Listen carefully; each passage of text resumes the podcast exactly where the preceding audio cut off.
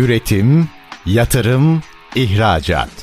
Üreten Türkiye'nin radyosu Endüstri Radyo sizin bulunduğunuz her yerde. Endüstri Radyo'yu arabada, bilgisayarda ve cep telefonunuzdan her yerde dinleyebilirsiniz.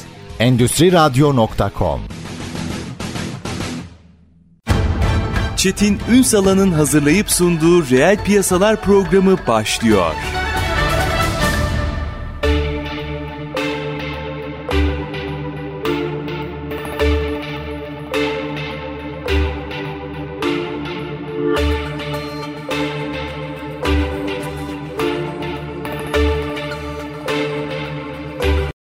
Piyasalardan merhabalar. Türkiye'nin gerçek gündeminde birlikteyiz efendim. Bugün platformları konuşacağız. Platformlar üzerinden girişimciliği konuşacağız. Belki biraz startup olmayı konuşacağız. Hatta bugün konuşacağımız konunun özelinde baktığımızda insanların ek gelir sağlayabilmek için ek iş temin etmesiyle ilgili yolu, yöntemi de mercek altına alacağız. Bugün konuğumuz Var mı App kurucusu Halil İbrahim Yüksel. Sayın Yüksel yayınımıza hoş geldiniz efendim. Teşekkür ederim Çetin Bey. Nasılsınız? İyi misiniz? Var olun sizler de iyisiniz umarım. Ben de iyiyim. Sağ olun. Çok sağ olun. Üstad şimdi konuşacağımız çok şey var. Ama ilk önce şu aplikasyon meselesinden bir başlayalım. Şimdi detaylara gireceğiz ama son dönemde sanki girişimcilikle aplikasyon üretimi diyelim aplikasyona konu iş üretimi çok fazla bağdaşır hale geldi ve bu konuyla ilgili de aslında benim çekincelerim var. Çünkü herkes bu işi yapacağını zannetmeye başladı. O zaman biraz bu işin yöntemini biraz konuşalım mı? Yani konuşalım çünkü aa benim şöyle bir fikrim var. Hadi aplikasyonunu yapalım. Değil. Bu iş bu kadar kolay değil. Ne olur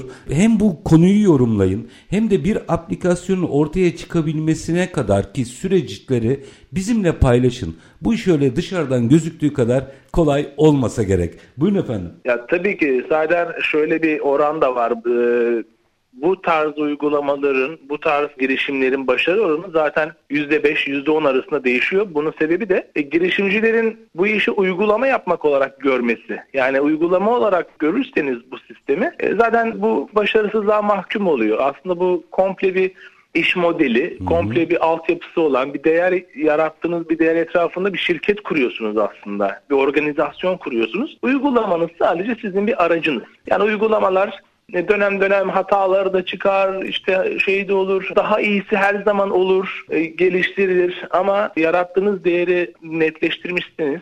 Bunu anlatabiliyorsanız ve bu değerin toplum karşısında karşılığı olduğunu görüyorsanız işte o zaman o şirket daha büyümeye doğru gidiyor.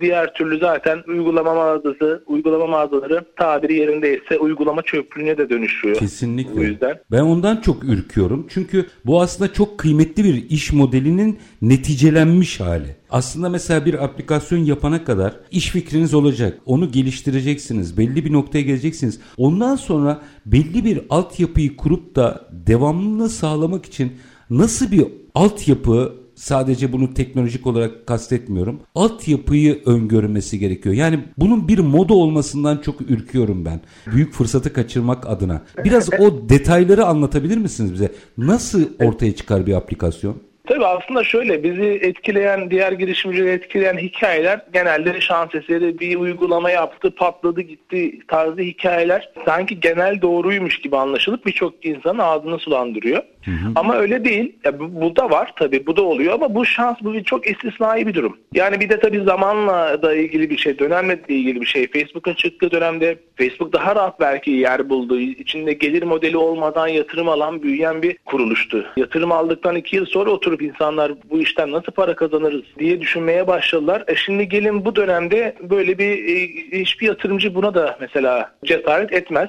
Doğru. Çünkü her taraf artık girişim, her taraf e, uygulama, her taraf yazılım. Bu işin e, özelinde aslında pazarı ya sorunu iyi tespit etmek lazım. Ben hep şöyle diyorum. Biz evet uygulama üzerinden insanlarla iletişim halindeyiz.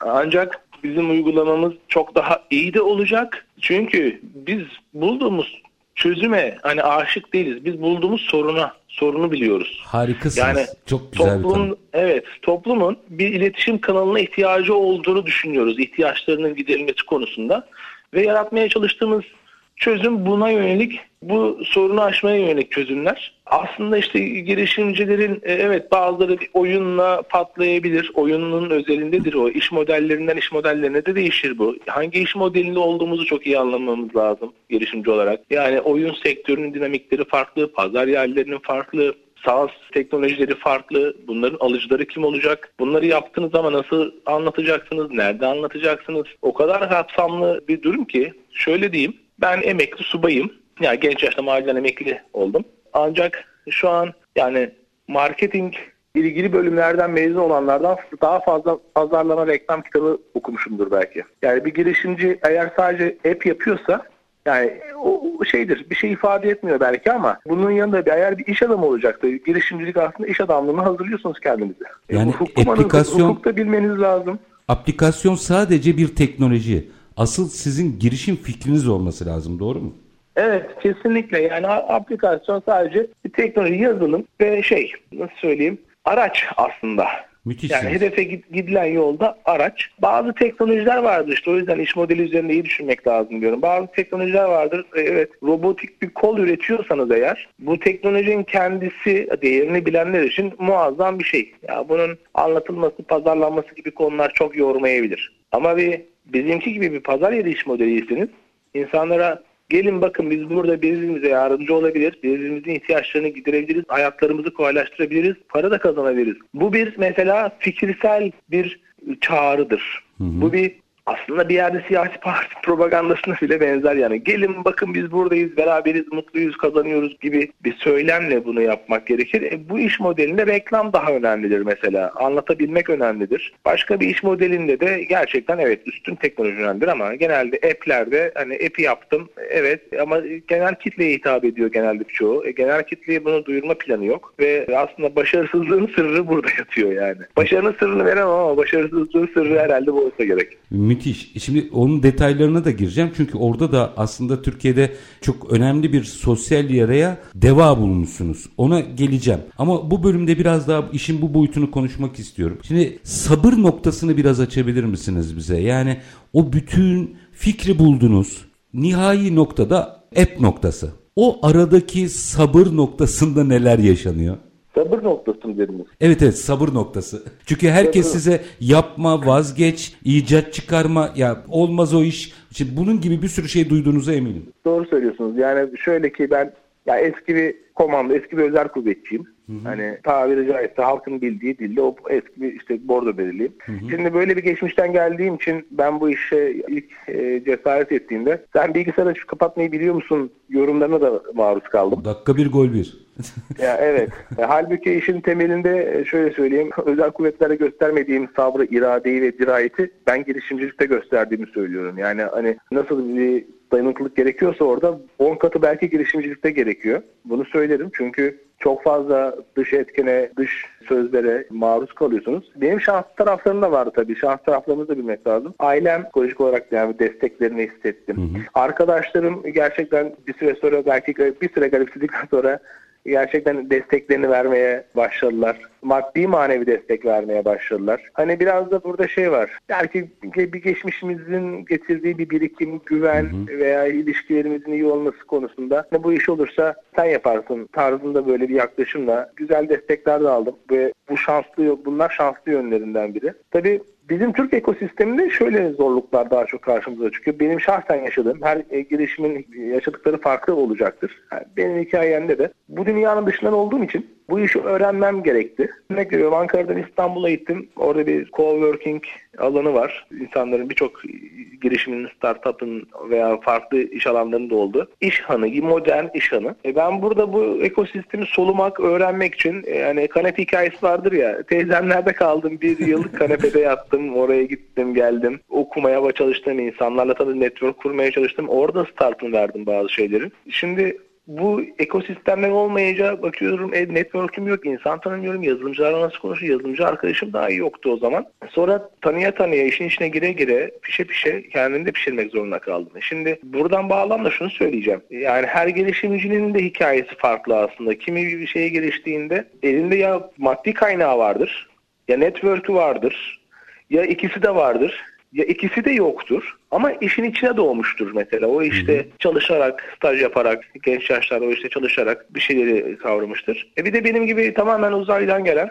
ya ama toplumdaki o sorunu da çözmeye niyetli birisiyseniz de bu sefer biraz daha zorluklar karşınıza çıkabiliyor ama burada da tabii şey gerçekten sabır, dirayet ve en önemlisi kararlılık gerekiyor. Bir de bunun sizin başta dediğiniz gibi sadece bir uygulama olmadığını hı hı. insanların girişimcinin bunu bilerek yola çıkması gerekiyor. Planları yaparken evet uygulamayı yaptım. İki, Türk ekosisteminde emin olun bir uygulamayı ortaya çıkarmak da kolay değil. Yani tabii hangi uygulama olduğuna göre değişir ama maalesef belki işte kur farkından, ülkelerin ekonomik durumundan biraz daha yurt dışına çalışabilen insanlar tercihini yurt dışına hizmet vermekte görüyor. Yani mesela yazılımcı ekosistemi için bu biraz daha böyle. Şu an ekibimiz bizim çok güzel. Çok kaliteli bir ekibimiz var ama bu ekibi yaratmak, bu ekibe ulaşmak çok kolay olmadı ve eğer bazı girişimler başarılı olamıyorsa bunun içerisinde ekibin kurulamaması, doğru insanların bir araya gelmemesi de var yani. Bu çok da kıymetli genel değil mi? ekonomik ekip? durumlardan daha etkilenebiliyor yani. Ekip çok kıymetli. Ekip Şimdi çok kıymetli. birazdan bir araya gideceğim ama araya gitmeden önce şu ifadenizi tekrar edeyim. Çünkü bunu sizin söylemiş olmanız bence çok kıymetli. Bir bordo berelinin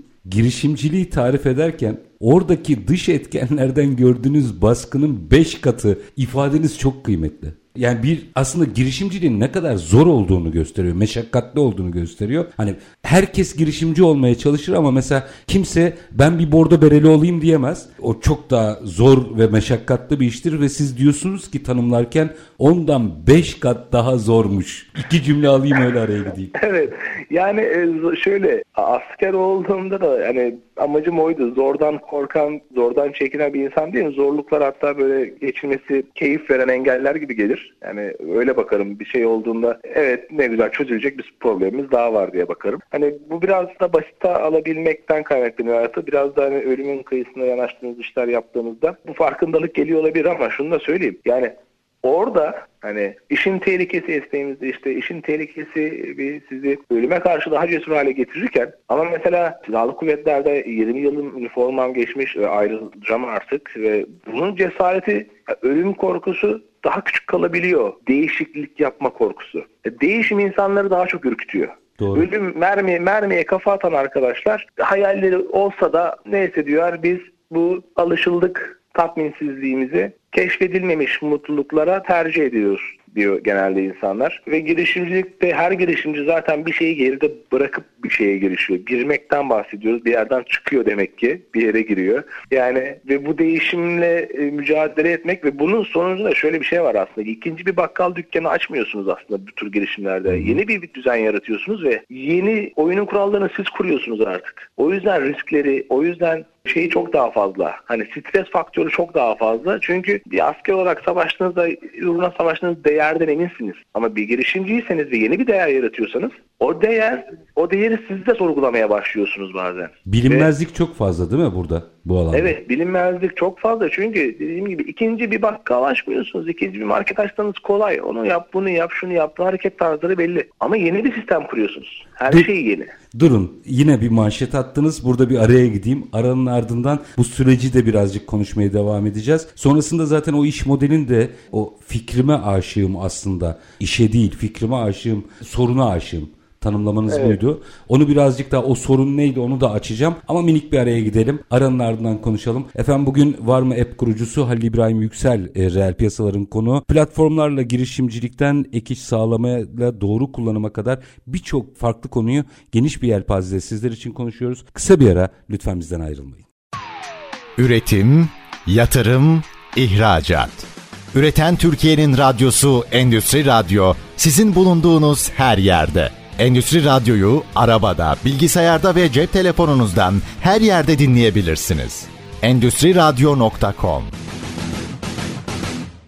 Kısa bir aranın ardından reel piyasalarda tekrar sizlerle birlikteyiz. Konuğumuz var mı app kurucusu Halil İbrahim Yüksel. Platformlarla girişimciliği konuşuyoruz. Tabii ki o sorunu bulup sorunu çözüme kavuşturmanın metotları. Sayın Yüksel çok güzel başlıklar söyledi aplikasyonu sadece bir araç, bir teknoloji olduğunu, asıl bir çözüm, bir fikir bir sorunun çözümünü bulmak gerektiğini ifade etti. Sonra bir bordo bereli olarak bence çok güzel bir tanımlamaydı bu. Bordo bereli olarak girişimciliğin o zamanki stresten, dış baskıdan ve zorluktan 5 kat fazla olduğunu söylemesi bence önemli vurgulardan biriydi. Tekrar dönelim Sayın Halil İbrahim Yüksel'e. Efendim şu açıdan da biraz konuşalım mı Sayın Yüksel? Bir kere ilk fikri buldunuz, yazılımcılarla masaya oturdunuz. Hayalinizi nasıl anlattınız? Bir kere oradaki doğru metodolojiyi de biraz açabilir misiniz bize? Aslında çok güzel bir soru bu. Hayalimi nasıl anlattım? İlk günle şimdiki arasında o kadar fark var ki aslında hayal aynı. Çözmeye çalıştığım sorun aynı ama bunu anlatma şeklim çok değişti. Çünkü iletişimin bazı dinamiklerini böyle keşfediyorsunuz. Ben bir şey anlatıyorum ama karşı tarafta beyninde başka şeyler canlanıyor. Ya da o karşı tarafın background'ı hayatında gördüğü işte veya benzerine şahit olduğu konularla ilişkilendirip başka bir şey sonuç çıkarabiliyor. İlk gittiğimde tabii kendi sorunumu anlatarak gitmiştim. Hı. Benim köpeğim vardı. Ee, hem askerim, nöbetim var, tatbikatım var, göreve gidiyorum ve yalnız yaşayan subayım. Ya bu e, köpeğim de sahiplendim. Sahipler aramızda da bağ kuruldu tabii şey yapamıyorsunuz. Can yani tabii. şu an buradan da başka bir mesaj verelim. O canları sokağa bırakanlara buradan eleştirimizde gönderelim. Kesinlikle. Biz şimdi aslında bir şekilde e, bu sorunu çözmek için ben komşularımdan işte Hayriye ablam vardı. Kulak buradan duyuyorsa eğer bize teşekkür ederim tekrar ileteyim. Benim bütün bu nöbetlerimde yokluklarımda Tony'yi köpeğimi o gezdirirdi. E, ama tabii şöyle bir şey de var. Yani çok sık oluyor bu benim bu rutin. Ve ben bir yerden sonra ben utanıyorum. Kendisine kadar yardımcı olmaya çalışsa da hani her gün her gün işte bir haftada 2-3 gün böyle bunu rica etmek büyük bir rica. O yüzden şey dedim ya para teklif etmek istiyorum çünkü ama o da ayıp olur. E, komşuluk diyecek. E, para ayıp olacak ama biliyorum hayatının akışına da uygun. Ona da kazanç olur. Adam parkta yürüyor. Köpeğimle beraber yürüsün. Ama tabii külfeti de var. Özgürlüğü biraz kısıtlanıyor. Köpeğin sorumluluğu var. Para teklif edince de olmuyor. Ama ben gidenemeye başladım. Dedim ki keşke bir platform olsa. Orada bir kaydı olsa. Ben günlük yürüyüşlerime çıkarken köpeğinizle beraber yürürüm dese. Müthiş. Ben de oradan yavaş yaklaşsam zamanım daha ayıp da ortadan kalkacak İş dedim. fikri böyle çıktı Sonra, yani öyle mi? İş fikri böyle çıktı. Köpeğimi nereye bırakacağımı bilememekten ama bırakabileceğim insanların da etrafında olduğunu görüyorum. Yani Hı. hayatlarının da akışlarına çok uygun bu aslında. Aynı şekilde Apartmana giriyorum çok güzel yemek kokuları var. Evde yemek pişirecek zamanım olmuyor. Sipariş vermekten de artık gına gelmiş. Ya diyorum şu komşuya keşke aylık şu kadar bir para versem bana da onu pişirdiğinden ben de alsam diye bir düşünce. E dedim ya hani aylık veririm olur olmaz. Keşke ya bu hizmet de oraya girer. Bu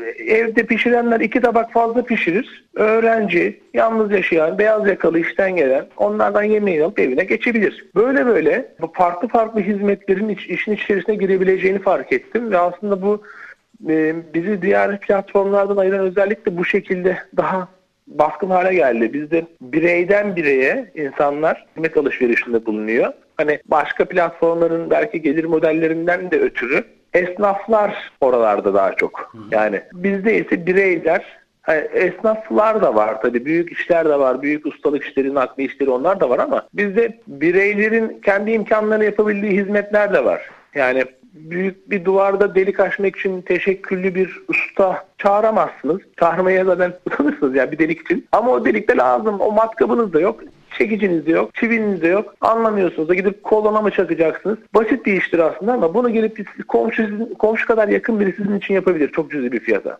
Yani mobilyanızı monte edemeyeceksiniz. Zor geliyor aldığınız bir yerden onu gelip monte edebilir. Bu basit işler için dahi insanların birbiriyle ihtiyaçlarını giderebileceğini fark ettiğinde bu artık içinde şey olmaya başladı. Yani bir sorun var aslında toplumda bir iletişim kanalı bozuk. Şu duvarın arkasında benim işimi çözebilecek, bana yardımcı olabilecek kişi var. Ama o kişiyle benim irtibatım, iletişimim yok. Çünkü onun bunu yapabileceğini duyuracağı bir platform yok. Hı hı. Benim de ona bulabileceğim bir platform yok. Bunu anlamak, bunu görmek zaten Varmı'nın bizim e, platformumuzun çıkışını, fikrin oluşmasını sağladı. Biz de şey dedik artık vardır elbet birisi mutlaka etrafınızda diyoruz. Ve bu insanları birbiriyle iletişim halinde tutmaya çalışıyoruz. Üstad orada şimdi çoğu insanın yaptığı, çoğu insanın böyle şeyler aklına gelir. Ama hep keşke noktasında kalır. Keşke olsaydı, keşke şöyle olsaydı. Keşkeden onu iş modeline çevirme kırılması nerede oldu? Bu kırılma aslında ya bu benim yapımla belki ilgili bir şey. Tamam güzel, saygın bir mesleğim. Çalışmaktan ömür boyu gurur duyacağım. Bir yerde çalıştım. Ama biraz da şey var. Daha kitlesel fayda yaratma içgüdüsü vardı. Bu içgüdü kuvvetli bir içgüdü benim için. Ama tabii bir şeyi yapmaya başlamak çok büyülü özel bir an aslında. Ya bu şuna benziyor. Uçaktan ilk atlayışımı hatırlıyorum. Uçağın arka tarafı açılmış. Hani kimseye bağlı değilim. Kendim uçaktan at, ilk defa paraşütten atlıyorum. Uçaktan Hı. atlayacağım. Hani Hı. düşünün ne, ne kadar ürpertici. Yani bulutların üzerindesiniz. Kocaman bir kargo uçağının arka tarafı açılmış. Oraya yanaşmışsınız, atlayacaksınız. Yani o noktada hani atlıyorsunuz ya o saniyedeki, o salisedeki o his, o duyguyla aklınıza bir fikir düştüğünde onu yapmak için atacağınız ilk adım aslında çok benzer bir duygu. Biraz orada gözünüzü karartmanız gerekiyor. Güzel biraz sonunu çok da düşünmemeniz gerekiyor. İlk adıma odaklanmak gerekiyor. Zaten birçok girişimcinin yaptığı hata da biraz çok ötesini görmeye çalıştıklarında tamam bir, bir vizyon olması lazım zaten. Vizyon evet. mutlaka şart ama planlamada, detaylı planlamada e, çok uzak vade çok da zaten işi yapılamaz hale getiriyor bu sefer. Altında kalıyor insanlar bu yükün. Ben şey diyorum ya ben bu işe başladığımda ne kadar şey bilmediğimi bilseydim eğer belki cesaret edemezdim. O ama, ama o yolculukta başladığınızda öğreniyorsunuz. Yolculukta Yanlışlar öğrenme evet. Üstad o duyguyu da kaybetmemek lazım galiba değil mi hep? Nefis bakın bir daha tekrarlayayım. Sayın Halil İbrahim Yüksel dedi ki eğer ne kadar çok şey bilmediğimin farkında olsaydım belki de cesaret edemezdim. Çok güzel bir tanımlama da yaptı aslında mesleğiyle bağdaştırarak. Yani o ilk paraşütle atlama noktasındaki hisle hadi dediğimiz girişimdeki hadi dediğimiz his aynı. Çok güzel bir ifade kullandınız. Ne kadar çok şey bilmediğimi bilseydim belki de cesaret edemezdim. Bununla birlikte cesaretle birlikte o öğrenme duygusunu hiç köreltmemek gerekiyor galiba doğru mu? Ya kesinlikle zaten şöyle bir bunu çok sık dile getiriyorum. Belki bu dünyaya hani ben de e, yeni sayılırım. E, 3-4 yıldır bu işle ilgileniyorum. Çok taze sayılırım böyle tecrübeli iş adamların yanında ve saygı duyduğum, tanıdıkça daha çok saygı duyduğum insanlar olmaya başladılar iş adamları. Hani hep böyle biraz kapitalist düzende hep eleştiriler bakılan bir şeyleri yapılır bir durumdalar ama devamlı bir şey öğrenmek zorundalar. Devamlı kendini geliştirmek, devamlı uyanık olmak. Yani bu yüzden bilmiyorum dikkat ederseniz etrafınızda iş adamlarına ileri yaşlarına rağmen çok dinçlerdir. Bunu seviyor olmak lazım. Girişimci olacaksanız, e, bir iş kuracaksanız, iş adamı olacaksanız kendinizi geliştirmeye hevesli olmanız lazım. O konfor alanından çıkabilmeniz lazım. O konfor alanı rahatsız eden insanlar herhalde iş adamı oluyor ya da girişimci oluyor. İyi ki de varlar ve aslında bu cesareti de göstermek lazım. O öğrenme duygusu çok kıymetli. Şimdi yine sürece gelmek istiyorum. Aşama aşama aslında siz de biz de yolculuk yapıyoruz. Evet fikrinizi bence yazılımcılara böyle anlatmanız çok müthiş bir olay olmuş. Çünkü biz de hemen anladık ne işi olduğunu. Sisteme geleceğim. Peki yazılımı yaptılar. O da bir yolculuk. Şurasını düzelt, burasını geliştir vesaire. O da bir yolculuk ve yazılım bitti. Onun doğru sistem olduğuna nasıl kanaat getirdiniz? Aslında ben burada bir adım geriden alayım. Yani yazılımcı arkadaşlara sadece anlatmadım. Ben hayalimdeki yapıyı, sayfayı çizdim. Yani kod bilmememe, yazılım bilmememe rağmen son kullanıcı tecrübesiyle zevkli bir, burada belki biraz sel taraflar, yapı, özellikler etkili olabilir. Oturdum bir kullanıcı ne arayabilir, ne isteyebilir, sayfaları tek tek çizdim. Hangi buton, hangi nereye gider, ne özellikleri olacak gibi biraz daha detaylı bir çalışmayla gittim. Tasarımını yaptınız bunu, yani. Bunu, bunu yazacağız tasarımını yaptınız aslında. Tasarımlı ama şey yani böyle tasarımcı gibi değil. Benim hı hı. sakladığım bir de çizgisiz bir kitabım var. İki tane proje vardır onun içerisinde diğer proje başka bir muhabbet konusu olsun. O sayfaları e, bütün e, içerideki arayüz sayfalarını hatta kurşun kalemle çizmişimdir. Çünkü yaparken fikir gelişiyor, değişiyor. Startı o şekilde verdim. İlk adım yani ilk adımı e, hayalimdeki uygulamayı çizerek başlattım. Daha sonra tabii uygulama yazma süreci bitti dediğiniz gibi ve bu sürecin sonunda bunun doğru fikir olup olmadığını anladığım nokta şu oldu. Daha hatta uygulamayı yayına almadan web sitesinden, basit web sitesinden ön kayıt şey haberi açtım. Hı hı. Yani sistemi anlattım, ön kayıt ve daha uygulama yayına girmeden şeyler gelmeye, talepler gelmeye başladı. Buradaki yaratmaya çalıştığımız değerin de aslında çok anlaşıldığını hissetmeye başladım ve bununla ilgili ön kayıt yapanların 1300 ile telefonla görüştüm. Durun, durun. Durun durun. Burada bir virgül atalım, bir araya gidelim. Şimdi bu çok kıymetli. O 1300 telefon görüşmesinin çıktılarını da biraz konuşmak istiyorum. Ama minik bir araya gidelim. Yarım kalmasın ne olur. Tamam, ee, tabii. Efendim, e, var mı app kurucusu Halil İbrahim Yüksel'le aslında bir fikir, bir girişim, bir aplikasyon nasıl doğara kadar ki süreci adım adım konuşuyoruz. Kısa bir ara. Aranın ardından reel piyasalar devam edecek. Lütfen bizden ayrılmayın. Üretim, yatırım, ihracat. Üreten Türkiye'nin radyosu Endüstri Radyo sizin bulunduğunuz her yerde. Endüstri Radyo'yu arabada, bilgisayarda ve cep telefonunuzdan her yerde dinleyebilirsiniz. Endüstri Radyo.com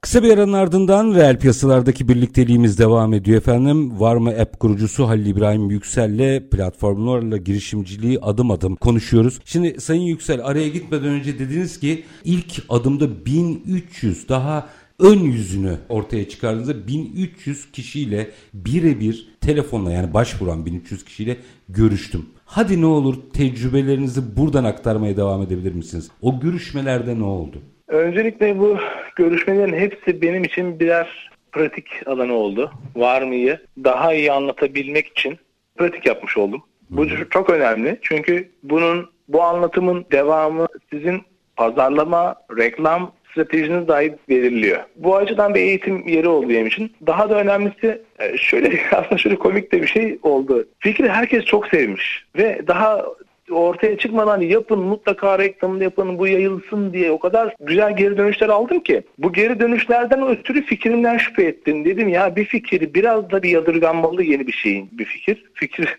fikri fikrimden şüphe etmeye başladım bu sefer. Çünkü çok seviliyordu. Çok iyi. Hani biraz da itiraz edilsin. Biraz olmaz ya bu iş fikri densin şeyde. Bunu çevremde de hani aradım eleştiri aradım. Çok eleştiri aradım. Yani e, hep böyle güzel şeyler söylendiğinde huzursuz oluyordum. Bir şey öğrenemedim diyordum yine. Buradan da bir şey çıkmadı. Hani biraz nerede bir eleştiri gelse o zaman kulaklarım böyle dikiliyordu. Çünkü bir şeyi yapmak istiyorsunuz ya hani bu sorunu çözmek istediğim için bulduğum benim bu o an için bulmuş olduğum çözüm belki doğru çözüm değil.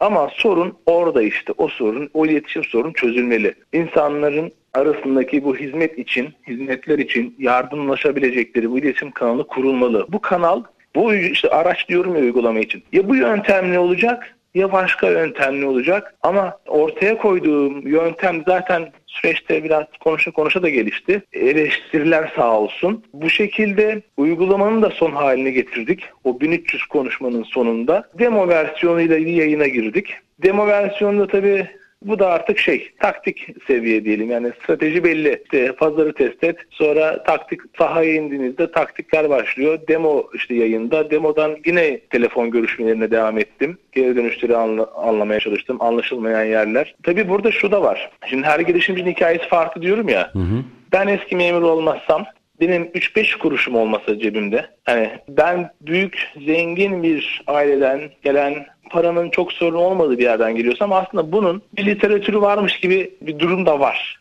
Yani işte şu tasarımcıları şöyle toplarsın, ekibi böyle önden her şeyi toplayıp önden en ideali kadroyu oluşturup bu işi götürürsünüz. Yani ama siz sıfırdan bir şey yapıyorsanız yani biriktirdiğiniz 3 kuruş memur maaşıyla birikimiyle bir şeyler yapıyorsanız eğer bu sefer bazı lükslerden mahrum kalıyorsunuz. Bu ekip kurmak kolay olmuyor. Bu düşünün çocuğunuzu kurumsal güvenli bir şirkette mi çalışmasını istersiniz yoksa hani titreyen böyle ayakları titreyen bir şeyde mi? yeni bir kurumda mı? Güvenlik istiyor herkes aslında Doğru. bir yerde. Ve bunu çözmenin en kısa yolu cebinizdeki paranız. Eğer varsa birçok sorunu çözüyorsunuz. E yoksa iş size düşüyor işte. Tasarımını bile yaptırmak için aldığım fiyatlar şey olmuştu bende. Yani, yani bu pazarın ne kadar aslında pahalı bir sektör olduğunu bana hissettirmişti. Ama Çözüm yok mu? Çözüm var. Çözüm de şu. Yani MVP denen yani Minimum Viable Product bir minimum asgari düzeyde bu işi nasıl çözdüğünüzü bir ortaya koyup daha sonra bu fikrin anlatılması Bu fikir anlatıldığında talep görüyorsa zaten ürününüzü geliştirecek kaynağı da daha rahat bulmaya başlıyorsunuz bu sefer. Yani döngüyü nasıl yarattığınız çok önemli. Birçok girişimci arkadaşın yaptığı hata da belki öyle oluyor. İnanılmaz süper bir ürüne odaklanıyor. Ürün bir şekilde oluyor. Hatta olmama ihtimali çok oluyor bu sefer. O kadar mükemmelliyetçi ki. Olmayabiliyor hatta. Ama olduktan sonra da şey kalmıyor bu sefer. Yani bunu anlatabileceği gücü kalmamış artık. Kaynağı kalmamış pazarı test edemiyor. O yüzden döngüyü nereden başlatıldığı çok önemli. Dediğim gibi aslında yine burada bu genelleme olarak söylemeyeyim ben. Söylemiyorum bunu. İş modellerine göre değişir bu. Pazar yeri iş modeli için biraz böyle bu sistem. Çarkı biraz pazarı test ederek, talebi test ederek, geliştirerek, üzerine koyarak ilerlemek gerekiyor. Önden önden arzı, önden talebi test edip sonra arz etmek aslında. Aslında belki de birçok iş modeli için ideal olan bu. Yani o nabzı sürekli yoklamanız gerekiyor. Yoksa işletme körlüğüne döner iş sanki. Şimdi o zaman iş sistem işlemeye de başladı. Bir kere orayı biraz açalım. Bir sorunu çözerken hani demin köpeğinizden yola çıkarak modeli biraz anlattınız ama aslında bugün ekonomik kaygıyla ek gelir isteyen herkesin de gönlünü almışsınız. Yani e, evet normal bir işi var onu devam ettiriyor herhangi bir iş ama bir mahareti varsa maharetinin de işe dönebileceğiyle ilgili bir tetikleme yaratıyorsunuz insanlarda. Yapıyı biraz daha anlatabilir misiniz dinleyicilerimize?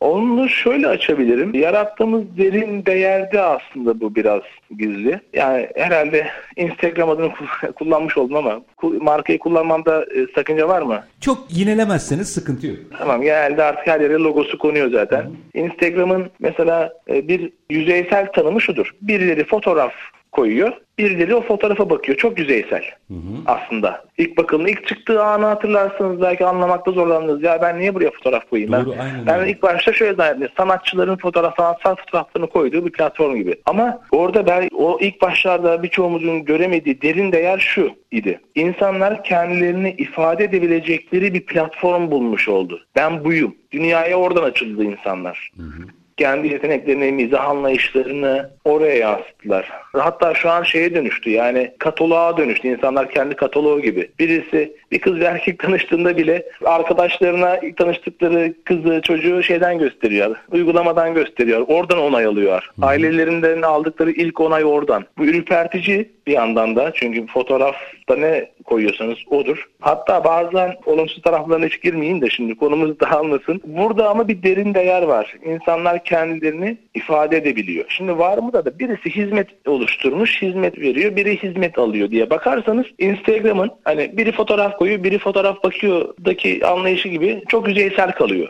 Biz insanların şimdi para kazanmasına da sebep oluyoruz ama bu para kazanması insanlara daha derin bir değer olarak özgürlük getiriyor. Yani bir yere muhtaç değilsiniz. Kendinize bir işte Google'da var olmak için bir web sitesi, bir iş, onu işletmeniz falan gerekiyor. Biz aslında Google'ın biraz hizmet için olanı gibi olduğumuz için, hizmet için olanı olmaya aday olduğumuz için öyle söyleyeyim.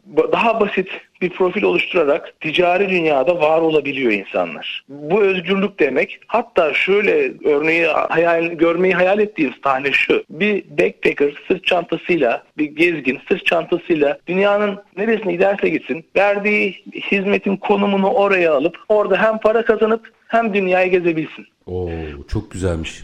İşi bu boyutuyla bakınca çok güzel oluyor. Evet yani gideceği yer Instagram'ın başladığından beri geldiği yeri görüyorsunuz. Bizim de gideceğimiz yer insanlara bu özgürlüğü vermek. Bireyden bireye kurumların büyük bağımlılıklarından kurtulup bireylerin yetenekleriyle kendi yollarını çizebilmesi hizmet verenler için. Bu şu an sadece hizmeti konuşuyoruz ama tabii bizim vizyonumuzun gereği buna entegre olacak başka özellikler de var. Bunu zamanla da ortaya göstereceğiz. Yani şu an sürpriz olsun. Hı hı. Bu açıdan bir kere sevildiğini düşünüyorum. Onun dışında hizmeti alan kişi için de ya da var bizim var olan kullanıcılarımız içeride bu ekosistemde olduklarından ötürü aslında bir güvenlik çemberinde hissetmelerini istiyoruz. Derin ikinci bir derin değer de bu. Bu bizim sarı dairemiz var zaten logomuz. Sarı bir çember. Bu şu demek. Bu daire içerisinde senin için birileri var. Bu daire içerisinde ayağın takılsa yardımına koşacak birisi var. Güvendesin. Yolda kalsan benzinini getirecek birisi de var. Yolda kalsan çekici de çağırabilirsin. Yani burada emeğiyle emek harcayarak, sana yardım ederek hem kazanç elde etmek isteyen birileri var hem de sen bu insanlardan hani bazı kategorilerle kayıt oluşturuyor bu insan e, hizmet verenler kategori seçerek kayıt oluşturuyor ama temelinde şu var orada. Ben emeğimle ve becerimle para kazanmak istiyorum. Bunu bildikten sonra yani mesela gittiniz çok çorak bir yerde uç örnekler veriyorum ki derin değer biraz daha anlaşılsın. Yani çölün ortasında kaldınız bir yerde orada bile birisini bulabileceksiniz. Yani orada emeğiyle para kazanmak isteyen biri var ve sizin ihtiyacınız var. O kişiye bizim aracılığımızla ulaşabiliyorsunuz. Ya aslında iki duyguyu çok demek. net tetikliyor bu. Bir yalnız değilsiniz. İki bir şeyi becerim varsa herhangi bir konuda becerim varsa aç kalmam. Bence bu iki duyguyu iyi yakalamış. Evet yani aslında burada şimdi özellikle beceri kelimesini kullanıyorum. Yetenek mesela şeydir biraz daha özel bir kavramdır. Özel bir yetenektir. Herkes de herkes yetenek olmayabilir. Ama becerinin içerisinde emek var. Yani bir köpeği gezdirebilmek özel bir yetenek istemiyor belki ama burada bir emek var. Bir şeyi becerebilmek var. Yani e bilmek, a bilmek var ya biz gramırdan gidelim. Bir şeyi yapabiliyor olmanız burada var olmanız için yeterli zaten. Yani biz e, kimsenin atomu parçalamasını istemiyoruz. Burada basit hizmetler var. Yani ve insanların kendilerine yetememesinden ötürü, hayatlarının koşturmasından ötürü bu desteğe ihtiyacı var. Şöyle bir şey soracağım. Bir dakikam var ama fikriyle çok Türk, uygulama pratiğiyle de çok Amerikan. Yani global diyebilirim bu işe. Bunu satın almak isteyenler olacaktır. O konuda mesela baktığınızda bakış açınız ne böyle bir dakikada onu da anlatırsanız sevinirim. Yani sorunun detayında şey var? Varmanın küresel açılımı ve hani Yani evet yani şimdi fikir bence pratikliği itibariyle çok Türk. Çok biz yani anlatabiliyor muyum? Ama işleyiş modeline baktığınızda mesela Amerikalılar bu işi hemen atlayabilir. Öyle bir his var bende. Evet aslında bu konuyla ilgili şöyle söyleyeyim yani şu Facebook örneğinde verdiğim gibi Facebook'a yatırım yapan insanlar önce bu nasıl para kazanacak diye sormadan derin değeri görüp derin değeri görüp bu çok önemli. Ona yatırım yapıp iki yıl sonra yatırımı düşünmüşken şu anki özellikle bizim Türkiye'de yani eleştirdiğim konulardan biridir. Ekosistem derin değere odaklanmıyor. Yatırımcılarımız borsa oynar gibi ne koyup ne alırım ne zaman alırım hemen buradalar. Evet. Bu işin bir data zenginliği, bir yarattığı derin değer konusunda belki yatırım ajansları aracılığıyla bu hataya düşülüyor. Buraya çok odaklanılmıyor ama dediğiniz gibi Amerika'dan bunu görmüş kişi yani ben rastgele tanıştığım kişi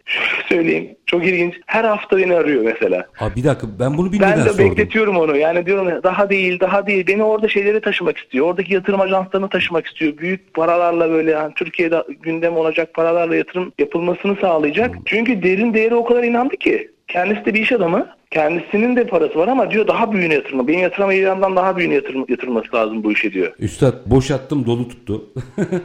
Bilmiyordum bu detayı çünkü. Satmayı düşünecek misiniz? Mesela onu sorayım. Şöyle tabii bu işin satılma bir exit her girişimcinin hayalidir. Yani ben kendi şirketimin çalışanıyım sonuçta. Ama tabii şöyle bir şey var. Yaratmaya çalıştığımız veya çözmeye çalıştığımız bir sorun var. Yarın bu sorunu çözebilecek başka yetenekli birisi gelirse ben bu işin kurucusu ve CEO'su olabilirim ama ben görevimi bırakmaya da razıyım. Ben yetemiyorum ya yurt dışı açılımına dediğim noktada bu benim aile şirketim değil. Bu bir anonim şirket ve ben bu işin bu sorunun çözülmesini istiyorum. Onun bir daha altını çizerek söylüyorum. Ben bu sorunun çözülmesini istediğim için bunu varsın ben çözmeyeyim. Benim yerime gelsin birisi çözsün. Buna ben tamamen olumlu bakıyorum. Satış konusunda da tabii halka arz konusuna da sıcak bakıyorum. Satışına da tabii ki kimin alacağıyla ilgili olarak sıcak bakabilirim tabii ki. Üstad birincisi çok keyifliydi. İkincisi hem bakış açınız hem yolculuğunuz aşamasında bu kadar enteresan şeyler söylediniz ki eminim herkes not defterine ilginç notlar aldı